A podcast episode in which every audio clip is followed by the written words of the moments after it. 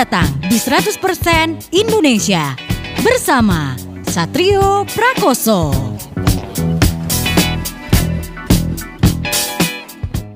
Selamat sore players, selamat datang di 100% Indonesia Talk Show. Dan buat sore ini saya bakal ngobrol sama seorang Waduh ini kalau di dunia hip hop Indonesia ya Akan menjadi sebuah kesalahan kalau menyebut hip hop Indonesia tapi tidak nyebut nama orang yang satu ini players. Sudah tahu dong pasti siapa yang bakal sajak ngobrol ya. Kalau udah kayak gitu pembukaannya ya. Yang pasti bisa dicek di Insta story kita di Instagramnya di @975playfm.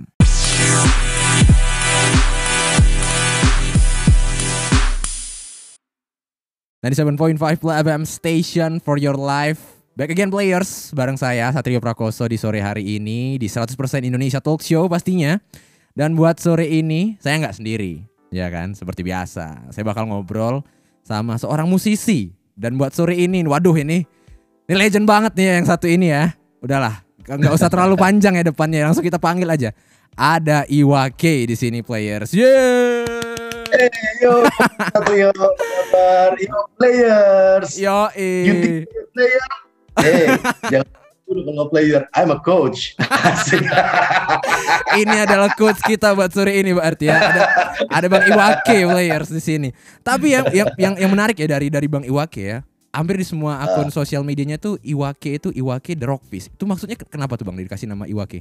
Iwake Rockfishnya itu uh, Rockfish. Rockfish sebenarnya itu panggilan waktu zamannya gue masih ngamen di Jepang. Okay. dulu sebelum gue keluar album. Uh-huh. uh, sekitar tahun 90 sampai 92an lah. Sebenarnya pas punya album pun masih punya masih ngamen ke sana. Okay. tapi waktu itu gue masih bantuin albumnya Meliana Manuhutu uh-huh.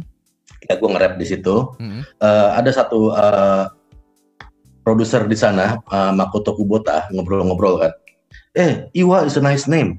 Loh kenapa? Gue bilang gitu kan. Uh-huh uh, Iwa in Japan it means rock dibilang gitu kan batu karang. Wih. Oh, oh, But in Central Java it means fish, gue bilang gitu kan.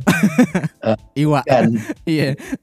Makanya dia, dia bilang kan, yaudah gue kasih nama lo uh, Rockfish. Makanya gue selama di Jepang, waktu itu nama gue adalah MC Rockfish. Wih, di Jepang tahun uh, berapa tuh bang? Tapi kan, ya? Di Jepang tahun berapa? Uh, ya bolak-balik aja kalau emang lagi ada ngamen-ngamen di sana aja uh, itu dari tahun 90-an sampai 92 lah. Wih. 92 93. Gila ya beda players yang ngamennya di Jepang kalau Bang Iwaki ya. ngamen mah di mana-mana sama aja intinya ngamen. iya benar benar benar. Tapi selama di rumah aja uh, kegiatannya apa aja nih, Bang?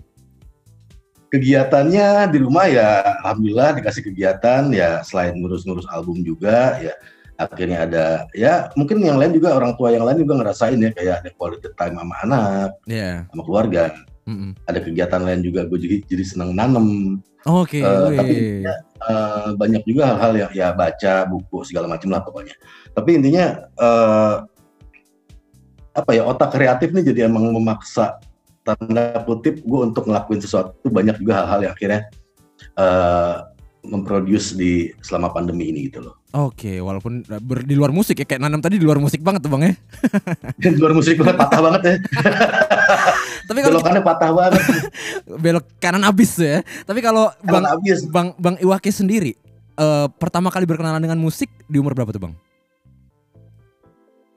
Dari kecil banget kali ya karena emang orang tua dulu juga di rumah ada om juga yang tinggal di rumah gitu ya hmm. sama ada tante juga yang waktu masih bujak pada masih single tuh tinggal di rumah yang emang pada suka musik semua. Iya. Yeah. Jadi benar-benar emang apa ya?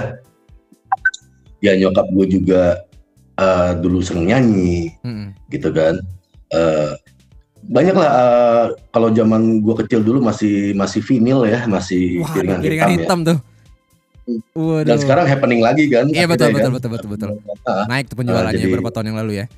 Nah, betul dari, jadi kolektor item. Iya benar. Dan yang mengkoleksi tuh sekarang tuh justru teman apa kayak ponakan gue yang masih SMA. Iya benar benar benar benar. Malah anak-anak ya, muda bang ya. Banyak gitu. Anak-anak muda tuh banyak banget dan iya. itu gue seneng banget sih. Iya, Karena emang suara iya. vinyl tuh cakep banget lah. tuh kalau kata papa saya tuh final ya. Hah? Dinamis banget. Uh, uh, dinamis uh. banget emang apa naik turunnya berasa banget tuh kalau kalau di vinyl. Iya. Tapi ya itulah uh, orang tua uh, ah benar-benar emang uh, pendengar musik yang baik gitu ya, penikmat musik yang yang sangat intuit. Jadi ya dari situlah akhirnya tahu musik. Oke. Okay. Gitu. Waktu kecil dengerin lagu-lagunya siapa tuh bang? Musisi favorit? Ya tuh? kecil. Kalau zaman kecil kalau kita bisa bilang masih balita apa umur umur lima tahunan enam tahunan gitu ya segala macam ya dulu siapa nggak tahu Adi Bing Slamet sama Cica Kuswoyo gitu loh. Iya benar. Benar. Ya kan dulu benar, emang benar. penyanyi ciliknya dulu itu ada ada Yohan Tanamal gitu kan. Okay. Banyak lah dulu penyanyi penyanyi cilik uh, apa Diana Papilaya, Dina Mariana. tapi tapi somehow waktu itu juga emang gue tahu Beatles. Oke. Okay. Gue tahu uh, musik musik James Brown. Oke, okay. uh, James Brown. Tahu Rolling Stone. Oke. Okay. Tahu uh, Led Zeppelin itu emang ya di usia-usia di bawah 10 tahun lah okay. ibaratnya. Oke, okay, oke, okay, oke. Okay. Oke, kita bakal ngobrol lagi players pastinya sama Bang Iwake habis yang satu ini ya. 97.5 FM Station for your life Back again players 100% Indonesia Talk Show bersama saya Satrio Prakoso dan juga ada Iwake di sini. Yeay. Yeah. Players. Iwake the rock players. Hey yo players, what's up? Asik banget ya.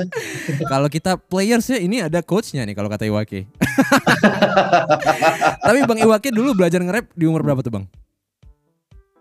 Gue tuh pertama kali tahu rap itu tuh waktu sekitar tahun 84 ya, gue masih apa SMP kelas 1 atau kelas 2, gue lupa. Wih. Dulu ada tren break dance, ada tren break dance di Indonesia. Oke. Okay. Break dance tuh dulu mungkin ketika tahun 2000-an ke sini kita manggil apa nyebutnya b-boy ya. B-boy ya benar benar. Dance oh, ya yang yeah. emang ya jumpalitan dan lain yeah. sebagainya. Dan gue sangat intuit dulu tuh. Berarti awalnya uh, di break dance Bang ya? Satrio.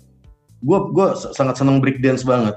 Oh, Jadi iya. dulu ada kardus gede gitu ya kita kita kita bikin dari bekas mungkin bekas kulkas atau apa segala macam kita lapis sama apa uh, vinil yang buat ubin itu loh yang okay, buat okay. ubin uh -huh. hmm, itu dan kita kita ngedance di atasnya kita muter uh, dengan uh, dengan menggunakan kepala itu namanya oh. head spin Ui. ada juga bentuk kick worm dan bawa ada windmill muter-muter juga dengan menggunakan punggung gitu ya okay. backspin dan lain sebagainya ya kalau gerakan atasnya kan yang yang gini-gini biasa. Ya. Iya iya benar-benar. Kalau gitu kan yeah. moonwalk gitu ya. Iya yeah, benar. Uh, itu gue suka banget sampai uh, akhirnya gue tertarik sama musik yang mengiringinya. Mm -hmm. Dan biasanya emang emang emang budaya hip hop dimulai ya di situ kenal ya dengan musik rap. Yeah. Udah tuh dulu akhirnya jadi tahu Ice T, mm. Afrika Bambata, mm. uh, uh, banyaklah mu, apa musik-musik rap pada waktu itu yang digunakan buat break dance gitu loh ada Herbie Hancock. Herbie Hancock lebih ke jazz fusion tapi digunakan juga buat break dance. Hmm. Tapi intinya di situ dulu emang ada seni bertutur, emang gue suka. Kok enak ya uh, orang apa uh, hanya bertutur tanpa terikat nada, tapi enak buat didengar gitu loh. Oke. Okay. Kayak berasa keren banget kayak ada rimanya gitu ya. Hop, hip it, hip it to the hip hip hop, you don't stop, rocking out, baby baba to the boogie the bang bang, the boogie to the boogie the beat. Jadi yang ini seru banget gitu ngulik ngulik ya udah mulai jadi plagiator sejati. Oh, Cuman okay. pada waktu itu uh -uh. kalau kita nyari lirik satu lagu, uh -uh. sekarang enak tinggal browsing, googling, bret dapat lirik. Iya. Yeah. Kalau dulu gue mesti play dari tip gue pakai kaset, gue ulang, gue rewind, gue play, gue rewind, gue play. oh iya iya iya. Didengerin belum gitu, dikulik banget ya. Lo dengerin. Uh -uh, paling enggak buat satu lagu tuh dapat lirik paling enggak lirik rap ya paling uh -huh. enggak ya 10 15 menit baru bisa dapetin satu lirik lagu. Effortnya lebih lebih gede ya kalau dulu bang ya berarti ya. iya. Sampai tip gue rusak gitu kan, headnya rusak karena emang sering di play, iya. rewind play rewind gitu. Kadang kasetnya yang rusak beli kaset lagi yang sama gitu, berapa kali gitu iya, ya. Tapi dulu kocaknya eh berusaha trio ya. Kalau uh. kaset rusak tuh kadang suka putus ya. Uh -huh. Itu bisa pakai nasi nempel ini. Serius bang, pakai nasi bang. iya bener. Dan anak-anak dulu itu bener-bener Soalnya kalau bisa ya? kita pakai lem, uh-huh. pakai lem itu uh, biasanya akan merusak jalannya uh, rolling pitanya. Oh gitu iya benar, nggak rata dia. Ya? Kalau, kalau nasi itu bisa bisa lebih lembut dan nggak terlalu merusak jalannya pita. Oh gitu. lebih halus ya kalau pakai nasi ya. lebih halus. Ter terus bang, akhirnya belajar belajar nge-rap lah semenjak terkenal dengan break dance itu. Ya? Berarti kultur awal yang dikenal bang Iwake itu break dance dulu ya? Break dance dulu. Break dance baru ke rap break gitu ya. Sebenarnya Bang, Bang beberapa hmm. tahun belakangan ini kan ada ada ada semacam uh, stigma kan karena banyak orang yang nge-rap tuh Bang ya. Tiba-tiba uh, YouTuber hmm. nge-rap, ini nge-rap, ini nge-rap. Dan kesannya kan jadi kayak nge-rap tuh gampang. Tapi sebenarnya kalau dari Bang Iwake sendiri emang segampang itu kah Bang nge-rap? Hmm, silahkan sih bilang-bilang gampang. Hmm. Ya pada akhirnya kan uh, setiap orang bisa nyanyi, tapi yeah. apakah setiap orang setiap orang senang nyanyi? Hmm. Tapi apakah tiap tiap orang yang nyanyi enak didengar gitu ya. bener, ya? bener juga tuh, bener juga. Sama jangan denger ngerap iya. berarti bang ya. Semua orang bisa ngerap mungkin ya. Iya. Tapi belum tentu Kayak bagus gue ya. tiap hari ngerasa ganteng tapi tetap aja banyak orang yang ganggu sama tampang gue. mana mana mana mana mana. Analogi yang tepat tuh bang ya. Nah kalau kata Wikipedia nih ya, Iwaki adalah rapper Indonesia pertama yang merilis album penuh Ku Ingin Kembali tahun 92 dan itu waktu itu uh, jadi uh, rapper pertama Indonesia yang rilis album penuh. Kenapa bang waktu itu pengen bikin album penuh? Saat rapper lain mungkin belum belum ke arah situ tuh ngeliatnya. Hmm. Jadi itu ketika memang waktu itu kan uh, uh, waktu ada proyek ke Jepang itu Mundar Mandir ngamen itu sama Gas Band ya. Gas yeah. Band tuh dulu ngetop lagunya Takkan. Takkan ku lepas tahun 89. Oke. Okay. Akhirnya mereka jadi Gas Music Production dan mereka bilang, "Wah, lo coba deh bikin rap pakai bahasa Indonesia." Karena waktu zamannya gue ke Jepang, hmm. gue itu nge-rap nggak belum pede dengan menggunakan bahasa Indonesia. Oke. Okay. Gue nge-rap dengan bahasa Inggris atau bahasa daerah. Okay. Kayak bahasa Inggris di mix dengan bahasa Sunda, okay. bahasa Inggris di oh, mix dengan teman. bahasa Jawa. Iya, bahasa Inggris di mix dengan bahasa Ambon sedikit gitu ya. Uh. Jadi emang lebih pede gitu loh. Oke. Okay. Sampai ayolah bikinlah, ya udah uh, buat apa nih ya lu bikin album lah di sini lah hmm, gitu kan hmm. di Indonesia hmm. ya udah udah cukup ya udah bikin lah akhirnya workshop hmm. sampai nemuin ya kliknya lah hmm. gimana cara deliver bahasa Indonesia yeah. album gue ingin kembali Oke, okay. jadi jadi al album itu akhirnya uh, berhasil jadi karena Bang Iwake udah pede berarti ya dengan nge-rap bahasa Indonesia gitu ya? Sebenarnya masih belajar sih sampai sekarang karena dulu gue uh, bener gue tuh iri sama Jamaika ya orang-orang Jamaika yang kalau emang mereka ngedeliver rhyme-nya mereka tuh sangat khas banget dan seluruh dunia tahu wah ini rhyme Jamaika langsung ketahuan ya kalau itu tuh dari Jamaika uh, gitu ya nah uh, bener-bener ya? waktu itu gue pengennya ketika orang denger rap Indonesia tuh tahu ini rap Indonesia gitu loh oh, okay. jadi walaupun walaupun memang ini adalah budaya yang dibawa dari luar gitu ya uh -huh. uh, misalnya taruh deh kita mau nanam benihnya jeruk uh, California gitu iya yeah di Indonesia tapi ya. Kita tanam, uh, kita tanam kan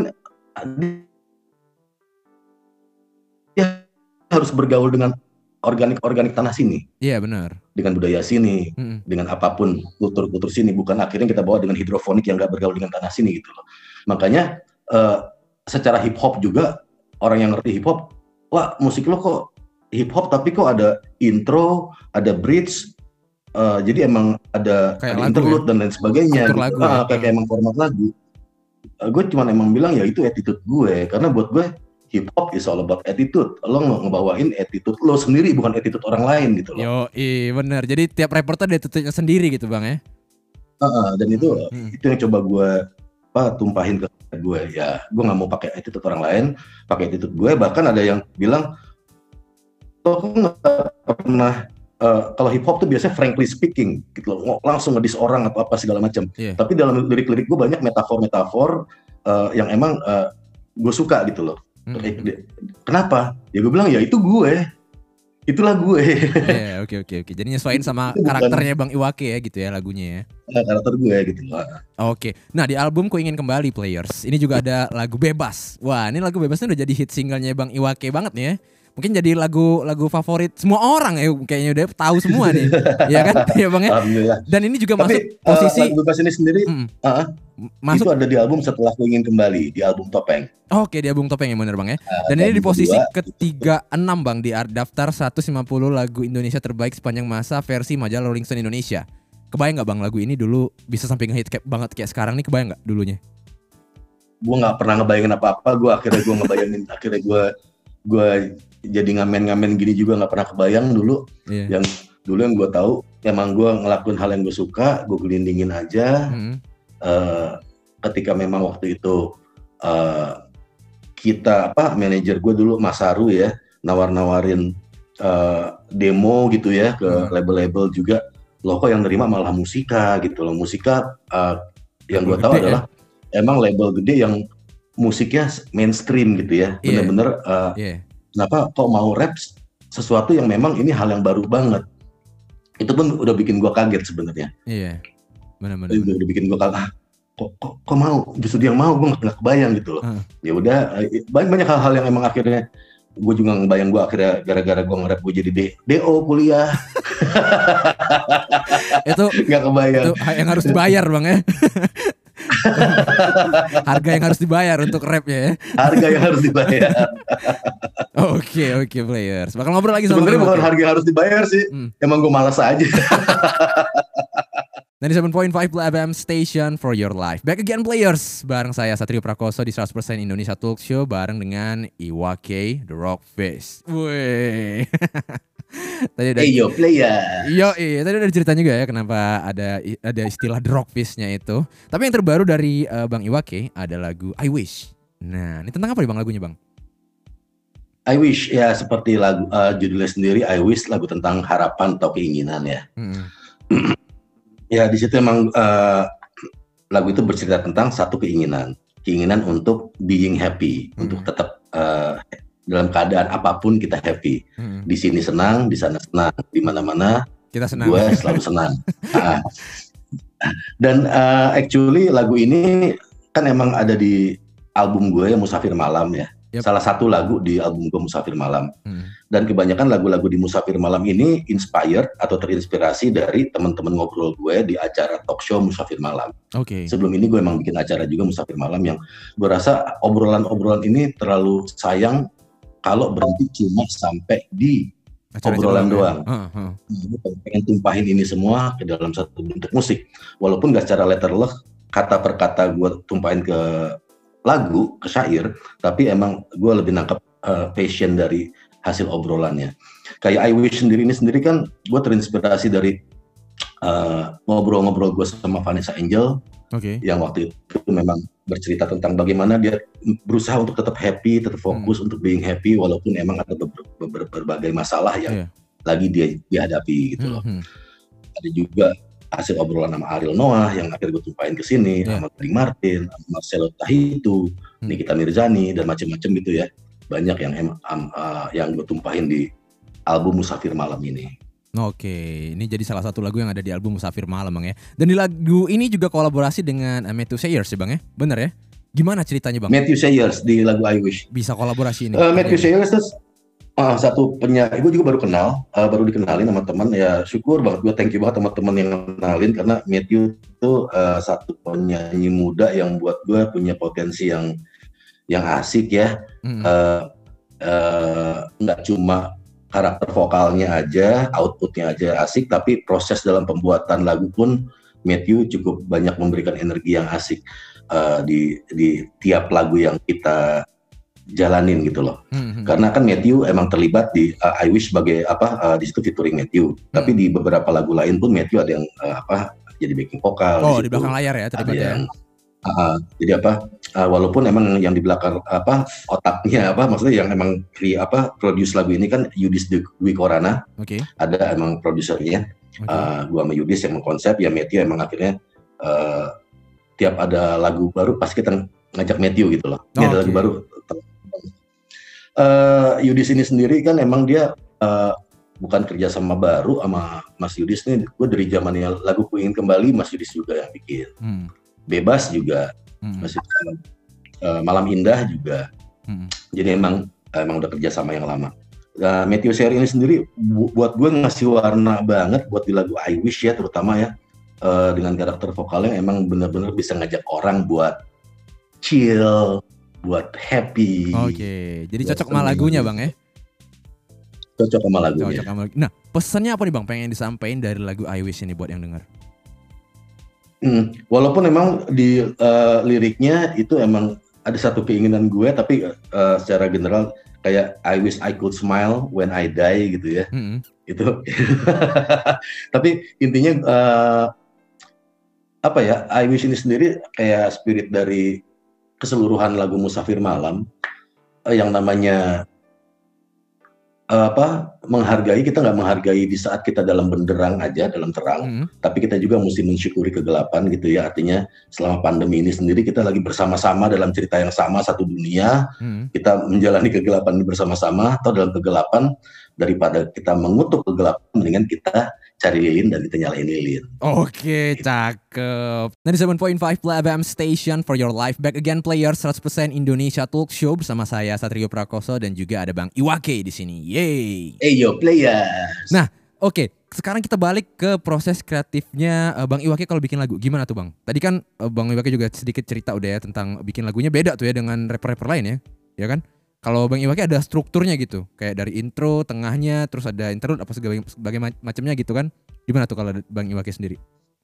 Proses secara musik emang seperti itu, hmm. uh, secara musik, tapi emang kalau secara lirik emang banyak yang uh, dibikin emang spontan ya. Yeah. Artinya ketika emang uh, workshop di studio biasanya ya jadi 15 menit, setengah jam ya paling lama uh, satu lagu tuh ya sejam lah ya, sejam satu jam setengah lah paling lama untuk bikin liriknya sendiri. Banyak yang uh, bisa uh, apa ya spontannya hip hop coba kita tetap ada di situ gitu loh, bukan sesuatu yang artificial.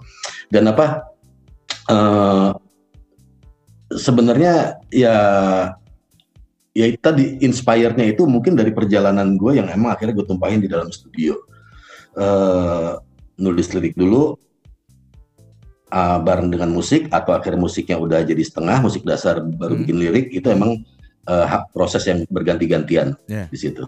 Oke okay, oke okay, oke. Okay. Berarti emang emang cukup ini ya uh, bisa banyak banyak langkahnya bang ya banyak polanya sebenarnya untuk bikin lagu kalau dari bang Iwaki ya fleksibel lah ya bisa eh, sebenarnya sih bebas-bebas aja sih aturan pertama adalah tidak ada aturan sih ketika menulis lirik cakep cakep cakep cakep kalau musiknya gimana tuh bang bang Iwaki bikin sendiri atau ada ada bareng lain kolaborasi teman-teman yang lain Iya, kalau musik sendiri emang uh, sebenarnya emang apa uh, dari Yudis Dewi Korana ya. Oke. Okay. Yang yang kita uh, kalau bikin pun emang cenderung memang bareng-bareng.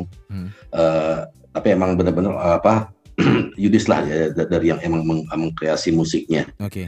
Untuk lirik apa untuk melodi bareng-bareng bahkan di lagu kata siapa ada judulnya itu uh, featuring Ipang Lazuardi. Uh, di situ Ipang ikut membuat melodinya. Oke. Okay. Ikut ikut uh, ikut nimbrung bikin melodinya. Jadi ikut, ikut membidani lagu tersebut gitu loh.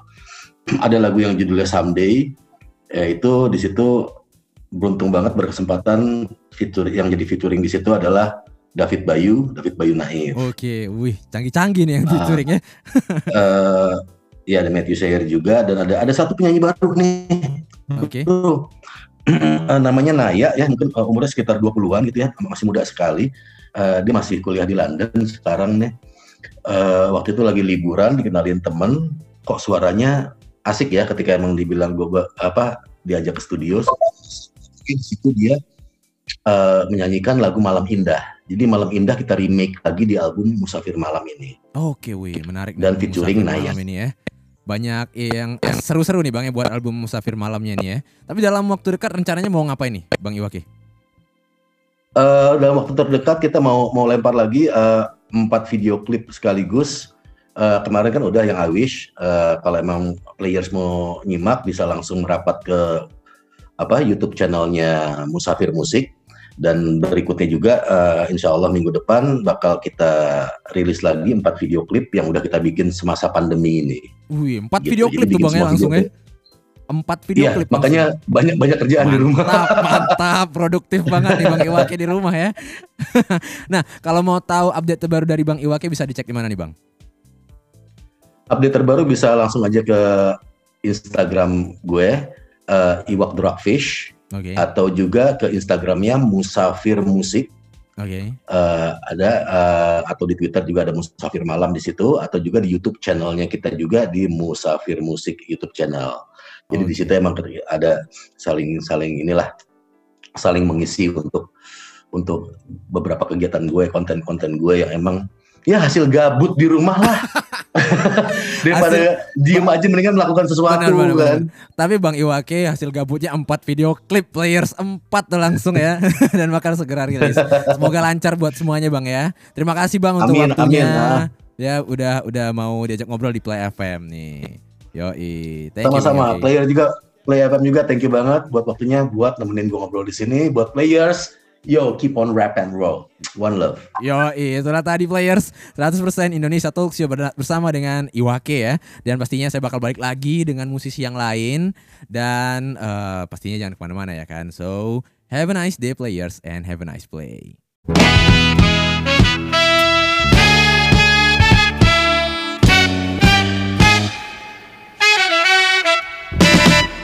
Terima kasih sudah mendengarkan 100% Indonesia bersama Satrio Prakoso. Sampai jumpa minggu depan.